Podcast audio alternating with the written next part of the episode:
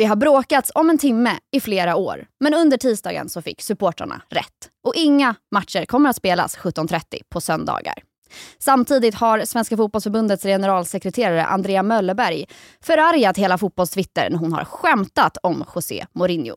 Allt det här och mer i dagens avsnitt av Expressen Fotboll med mig, Elvira Dietman och Linus Petersson.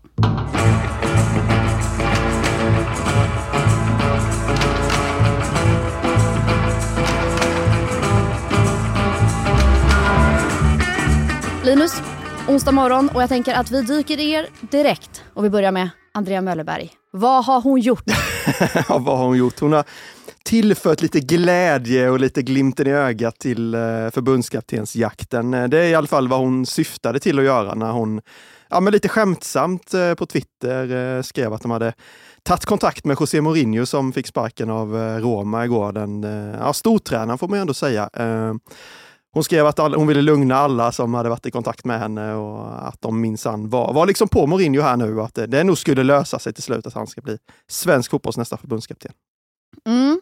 Eh, och det här togs ju inte så väl emot som hon kanske hade hoppats. Nej, hon ville ju som sagt att det skulle liksom, ja, men, lätta upp stämningen lite, lite glimten i ögat, inte ta så allvarligt på det. Men eh, det är ju inte riktigt lätt, rätt läge för det. Nej, um, vad kände du när du såg det här? För när jag såg tweeten så tänkte jag, det här kan ju inte vara den riktiga Andrea Möllerberg? Nej, det var min första tanke också. Jag hade inte, en koll, inte koll på att detta var hennes Visste riktiga man konto. ens att hon hade Twitter? Eh, jag tror det ändå, för det var ändå ret många, det var en miss av mig att inte följa henne sen tidigare, men det var rätt mm. många andra som gjorde det så att man kunde ganska snabbt räkna ut att det ändå var hennes riktiga konto. Men jag såg också i många kommentarer att ja, men det här måste vara en parodi. Liksom. Mm. Det är mm. populärt nu för tiden att skapa de här parodikontona. Men hon bekräftade också ganska snabbt att det absolut är hennes konto, att det är hon som har skrivit det här. Men det som jag tror liksom rör upp rätt mycket känslor som jag också känner på något sätt är att att det har ju varit så mycket stök runt den här förbundskaptensjakten och det har varit rätt mycket kritik mot förbundet hur de har hanterat den här processen. Det känns inte riktigt som det är rätt läge att skämta om den här processen nu när det är liksom så skarpt läge och när man liksom har misslyckats, känns det som, på så många plan med att hitta en ny förbundskapten. Vi vet ju alla som har sagt nej och alla turer som har varit. Och Ja, jag, jag i grunden uppskattar ju att man bjuder på sig själv och att man har lite glimten i ögat sådär, men det känns absolut inte som rätt läge just nu. Ja, lite så, vet din tid och plats. Ungefär så, jag presenterar en förbundskapten först och liksom har koll på allting. Och för det har ju varit stökigt in, internt i förbundet mm. också. Vi har kunnat läsa oss till i många i olika medier och det är sparkrav och de, ja, men det folk är oroliga över sina jobb och det görs om rätt mycket. Det, det känns som att man kanske behöver få ordning på allt det där först innan man går ut och skämtar om saker och ting. Ehm, även om jag i grunden som sagt uppskattar det. Tror du att det var några supportrar som när de såg att José Mourinho fick sparken av eh, Roma, att de hoppades att det faktiskt skulle finnas en möjlighet att han skulle kunna bli ny förbundskapten för Sverige. Jag såg att Andrea Möllerberg eh, sa till oss eh, här på Expressen igår att hon inte tror att eh, han är aktuell. Va? Jag tror det. Eh, jag har men, svårt men att tro att det är en kandidat. Inte. Men eh, alltså, det hade varit det ultimata slutet om han en dag står där och är svensk förbundskapten. Nej, jag tror faktiskt inte att några tror det, trodde det. Men det var ju några som hade hört av sig till Andrea Möllerberg och tipsat henne. Ring Mourinho kanske. Jag tror hon berättade det i någon intervju att, att folk hade gjort det. Kul att tipsa ändå. Alltså så här, som, som att de inte skulle ha stressigt bra koll på resten av fotbolls-Europa just nu. Men det är alltid roligt. Jag vet att man har hört och, och ringt runt kring så här, ja, med sportchefsrekryteringar. Så där. Det är många mm. som helt seriöst hör av sig och tror att de själva sitter på meriter eller tipsar om folk som de tror kan vara aktuella. Jag vet att när, ja, men jag tror att det var någon klubb som skulle rekrytera en ny sportchef. Då hade folk hört av sig. Ja, men jag har ju lyckats bra med det här laget på Fifa eller på Football Manager eller någonting. Jag borde kunna absolut ta det här. Så att jag vet inte om liksom... Det är det goda självförtroendet. Ja, det, det finns rätt mycket folk med ett gott självförtroende där ute och det är klart att eh, gör man det så tror man väl att Mourinho kan ta över också kanske. Ja, kanske. Mm. Vet vi någonting mer om eh, hela den här eh, turerna kring förbundskaptensrollen? Nej, det känns väl lite som att de har... Alltså de, är ju, de känns lugna alltså utåt sett, i all mm. kommunikation. Kan man de, vara lugna internt när det är, när det är sån Nej, press, jag har svårt liksom? att se det faktiskt eh, med mm. tanke på alla turer som har varit eh, och, och all liksom kritik de har fått kring hur de har skött den här processen. Att många börjar, börjar tycka nu, eh, tycker jag man ser från många olika håll, att det ser lite oproffsigt ut. Liksom, när, när, när det har tagit så lång tid och så mycket har läckt ut och så många som har sagt nej. Så att, det tror jag inte att de är, men eh, utåt sett ger de i alla fall det intrycket att de, att de är trygga och lugna i sin process. Och ja, nu är det väl sagt senast här att de vill ha någon på plats till, till samlingen i mars. Och det är väl det senaste beskedet. Då. Mm. Ehm, då, får väl... de, då får de börja jobba på nu? Ja, men de tidigare beskeden har ju varit att det ska vara liksom klart i början av året. Och även fast det är ett luddigt begrepp så tror jag att många räknar in liksom så här, ja, men början, mitten av januari då, liksom mm. i, i det. Ehm, nu har man väl, verkar det som, siktat in sig på samlingen i mars. Så vi får se om de lyckas med det. Det känns som att det känns, eh, tycker jag, som att man har fått börja om lite här efter Olof Mellbergs nej. Eh, att man gick ganska hårt på honom, var ganska övertygad om att han skulle skriva på. Nu känns det som att man har fått börja om lite och kanske backa ner lite och ta några steg ner på den där listan med kandidater som man har.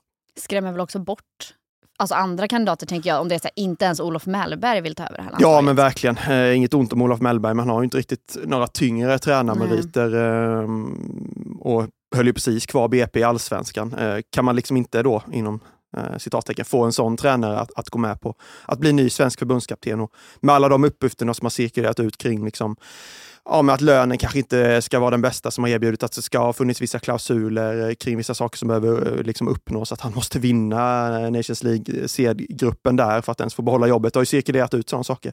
Då är det klart att som du säger, att det, det skrämmer nog bort en del kandidater. Och, vi vet ju sedan tidigare eh, att, att känslan kring förbundskaptensjobbet har ju varit att, att det inte är världens mest attraktiva jobb. Så att, nej, det finns mycket att göra internt eh, förutom att skriva inlägg på Twitter.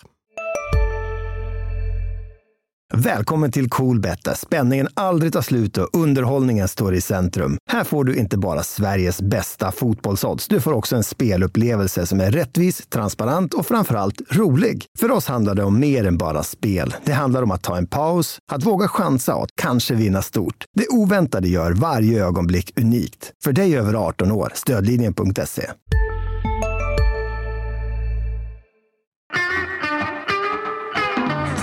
Och om vi går då från eh, förargade blågula supportrar till ganska glada generella allsvenska supportrar. Under tisdagen så släpptes spelschemat med tider och numera kommer söndagsmatcherna inte spelas 17.30, den sena matchen alltså. Nej, spelschemat är ju precis som förbundskaptensjakten något som alltid rör upp känslor. Det, det känns som aldrig att alla är nöjda med hur ens lags matcher placeras. Är det inte för få, måndag, för få söndagsmatcher så är det ja, för många måndagsmatcher, eller jag vet inte, det var något lag som hade räknat ut att vi ska spela eh, match varje dag liksom, i veckan. Vi har en måndagsmatch, en tisdagsmatch. Ja, det är alltid saker att reflektera mm. och, och liksom, äh, agera kring. Men, men äh, nu känns det som att överlag att många är nöjda just på det du är inne på, att det blir inga söndagsmatcher klockan 17.30. Och det är någonting som supportrarna har kämpat för flera år. Äh, för att få bort den här 17.30-tiden. Nu blir det 16.30 istället. Och liksom man kan ju tycka att ja, men en timme hit eller dit. Ja, jag tänkte säga det. Hur stor skillnad gör det här? Ja, utåt sett kanske man tycker att nej, men det är en timme, det gör ju egentligen ingenting mm. kanske. Eller det är en liten sak i sammanhanget. Men man ska komma ihåg, när jag pratade med vissa supportrar igår, så att om matcherna tar slut ja, 19.30 då, säg att de börjar 17.30, slut 19.30, kanske närmare 20. Vi har ju sett mycket avbrott och sådär och försenade matcher. Då finns det ibland inte tåg att åka hem. Man kommer helt enkelt inte hem från matcher. Eh, för att det blir mm. så sent. Och även om du åker supporterbussar eller kanske egen bil och så, här, så ja, men du är hemma runt midnatt om du har långa resor och så ska du upp och jobba dagen efter. Och det blir väldigt problematiskt eh, och i det sammanhanget så gör en timme väldigt mycket. Eh, dels då, ja, tågen kan gå, eller du hinner med dem och du är hemma kanske 23 istället för 24 och säger att du ska upp vid 06.07 och jobbar dagen efter så, så gör det ganska stor skillnad. Så att, som sagt, det är en kamp som supportrarna har fört i många år och, och, nu har de äntligen lyckats då få igenom det här. Och det, det är en seger för dem, det, det får man säga ändå. När du har snackat med dem, tror med dem som i, i, i grupp, med, med lite olika supportrar här eh, igår. Kände du att, tror de att det kommer komma mycket fler supportrar då till bortamatcherna? Att det är det som kommer liksom göra blir den stora skillnaden eller är det mer bara att de som faktiskt åker kommer vara, vara mer nöjda? Liksom? Nej, men jag tror att det rent generellt liksom underlättar resandet för bortasupportrar och det, det tror jag absolut att det kommer göra att fler liksom överväger möjligheten att åka på de här lite längre söndagsmatcherna, för det är ju framförallt bortaresandet som det handlar om. Liksom. Så det tror jag absolut. Um, Sen, eh, sen får nackdelen då, om liksom, det är många intressenter i skapandet av en spel, ett spelschema. Och jag pratade med de flesta igår, alla verkar liksom positiva till den här förändringen. De enda som liksom lägger in någon form av liten brasklapp, ja men det är väl Discovery då som tv-sänder matcherna. Mm. Nu blir det ju ännu tidigare avspark för dem. Eh, det blir 16.30 då på söndagar. Men det innebär också att den tidigare, tidiga söndagsmatchen som normalt sett brukar börja 15, börjar 14 istället. Då behöver mm. de köra igång sin studio kanske vid 13, 13.30. Eh, och även fast de betonar att de liksom är positiva till den här förändringen också så eh, blir det lite tveksamhet kring, ja, men framförallt på sommaren, kommer folk liksom sitta framför tvn vid 13.30 för att kolla på en studio inför en match? Eller är man ute och gör andra saker? Så att de tidiga avsparkstiderna är väl lite problematiska, eventuellt för tv-tittaren då, att det kanske blir att, att fler så... tar sig till arenorna istället. Vilket Discovery såklart är positivt till också, men mm. deras ja, kunder sitter ju ändå framför tvn.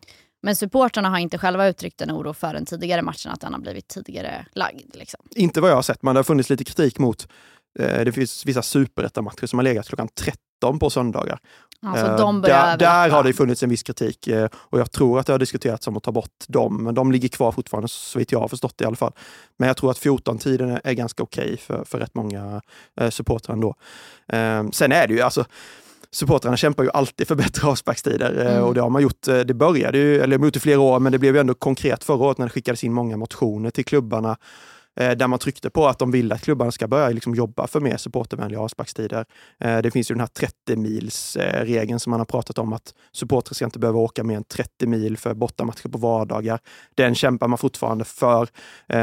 Även att det bara ska spelas en måndagsmatch varje omgång. Nu är det ofta två att man vill att fler matcher ska förläggas till helgen. Men det här är väl ett, ett, visst, ett, ett steg ändå eh, för supportrarna i deras kamp mot bättre tider. Och även tycker jag en ganska häftig liksom, eh, maktdemonstration liksom, på något mm. sätt. Att hur, alltså hur mycket makt supportrar och medlemmar i klubbar faktiskt har om man liksom bestämmer sig för att kämpa för en fråga. Det är ändå rätt häftigt på något sätt att man kan Ja, i dialog såklart med de andra parterna, men ändå med hjälp av motion och med hjälp av en liksom lång kamp ändå ja, men få den här skillnaden och att, att flytta liksom avsparkstid till så de vill ha det. Vilket går in lite i det här med medlemsägda föreningar och liksom att du faktiskt känner att det här blir ett väldigt konkret exempel på att du har ett stort inflytande på den svenska fotbollen som supporter. Ja men verkligen. Vi har ju, man kan bara titta ut liksom i andra länder. Vi har ju sett i, i engelsk fotboll till exempel hur mycket tv-kanalerna styr över avsparktid och sådär. Det var ju till och med matcher på julafton. Jag vet inte hur många supportrar som i grunden är positiva till det. Eh, I Tyskland till exempel, där, där liksom mer liknar Sverige liksom med, med supporterägda föreningar och sådär där har man också sett de här skillnaderna. Jag vet inte exakt hur det ser ut där, men det har ju, där har ju ändå supportrarna också påverkat i att lyckas styra olika avsparkstider. Jag tror att man har till exempel kan stryka rätt många måndagsmatcher och även påverkat avsparkstider och sådär på helger utan att ha de exakta kunskaperna. Men, men det går ju faktiskt att göra skillnad och det är precis som du säger, det, det är ju styrkan i den här medlemsdemokratin vi har och 51% regeln vill man göra skillnad så, så går det faktiskt att göra och det här är ju ett bevis på det. Om vi dyker ner eh, lite behind the scenes, för det är ju inte bara fotbollssupportrar som påverkas av det här. Du som, fo eh, fotbollssupporter, som fotbollsreporter påverkas ju också lite av det här, som åker ganska långt eh, nästan varje helg på under allsvenska säsongen. Hur, vad tänkte du, liksom rent personligt och privat för dig? Vad innebär det här? Eh, och Tyckte du att det var skönt att det blev tidigare lagt eller kändes det jobbigt för att du behöver åka hemifrån tidigare? Den tanken slog mig faktiskt aldrig. Men nu inte? när du säger det så eh, det blir ju skönt för oss också. Vi kommer också komma hem tidigare. Mm. Så att jag ser bara positivt på det här. Eh, det är ju, vi ska ju också åka de där milen på, på nätterna. Och det är inga 30 eh, mils gränser för fotbollsreportrar? Vi kanske skulle kämpa för det här på Expressen också.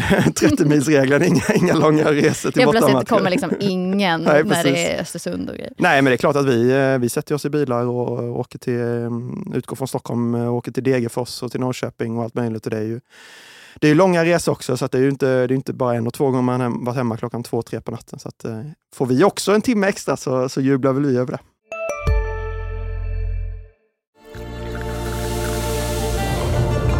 Välkommen till Maccafé på utvalda McDonalds restauranger med Baristakaffe till rimligt pris. Vad sägs om en latte eller cappuccino för bara 35 kronor? Alltid gjorda av våra utbildade baristor. Hej, Synoptik här. Hos oss får du hjälp med att ta hand om din ögonhälsa. Med vår synundersökning kan vi upptäcka både synförändringar och tecken på vanliga ögonsjukdomar. Boka tid på synoptik.se.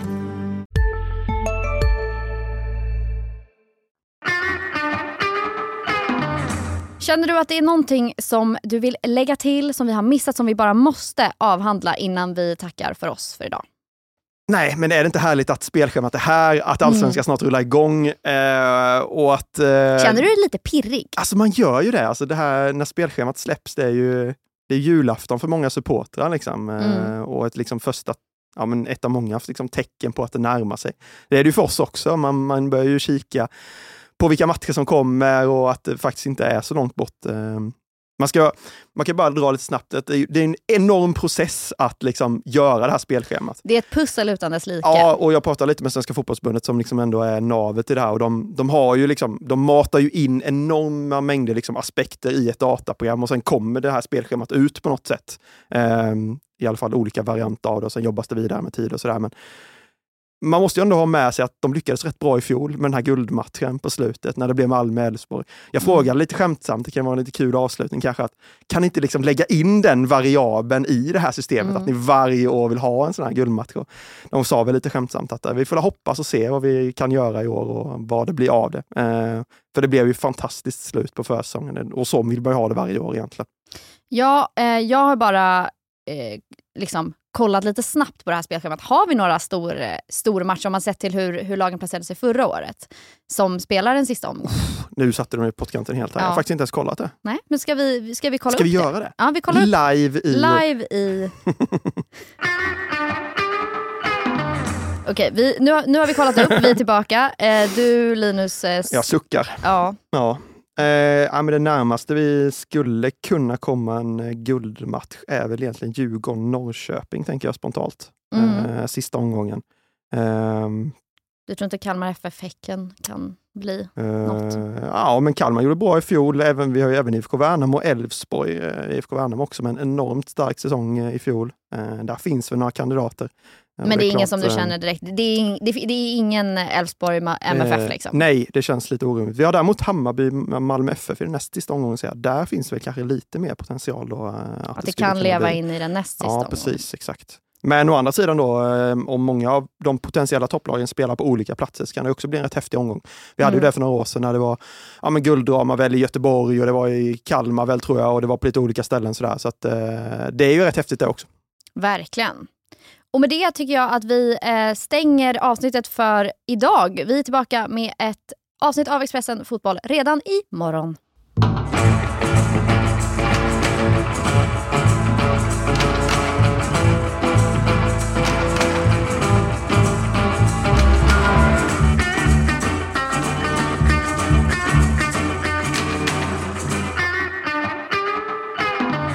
Du har lyssnat på en podd från Expressen. Ansvarig utgivare är Klas Granström.